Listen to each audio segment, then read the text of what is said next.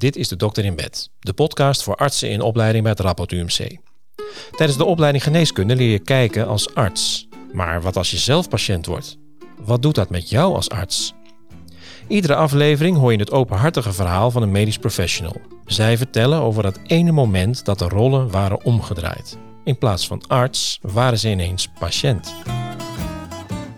Um, mijn ene nier is nooit groter geworden dan een koffieboontje.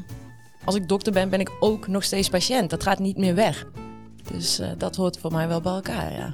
Nou, die bedrijfsarts die nam me wel heel serieus. Dus dat, dat vond ik echt heel prettig.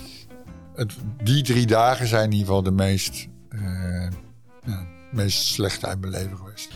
Dat, dat heeft mij ja, die periode wel gebracht. Dat je echt wordt meegenomen. Wat betekent het nou als je patiënt bent? Deze podcast is een productie van het Rapport UMC. Tot de volgende aflevering.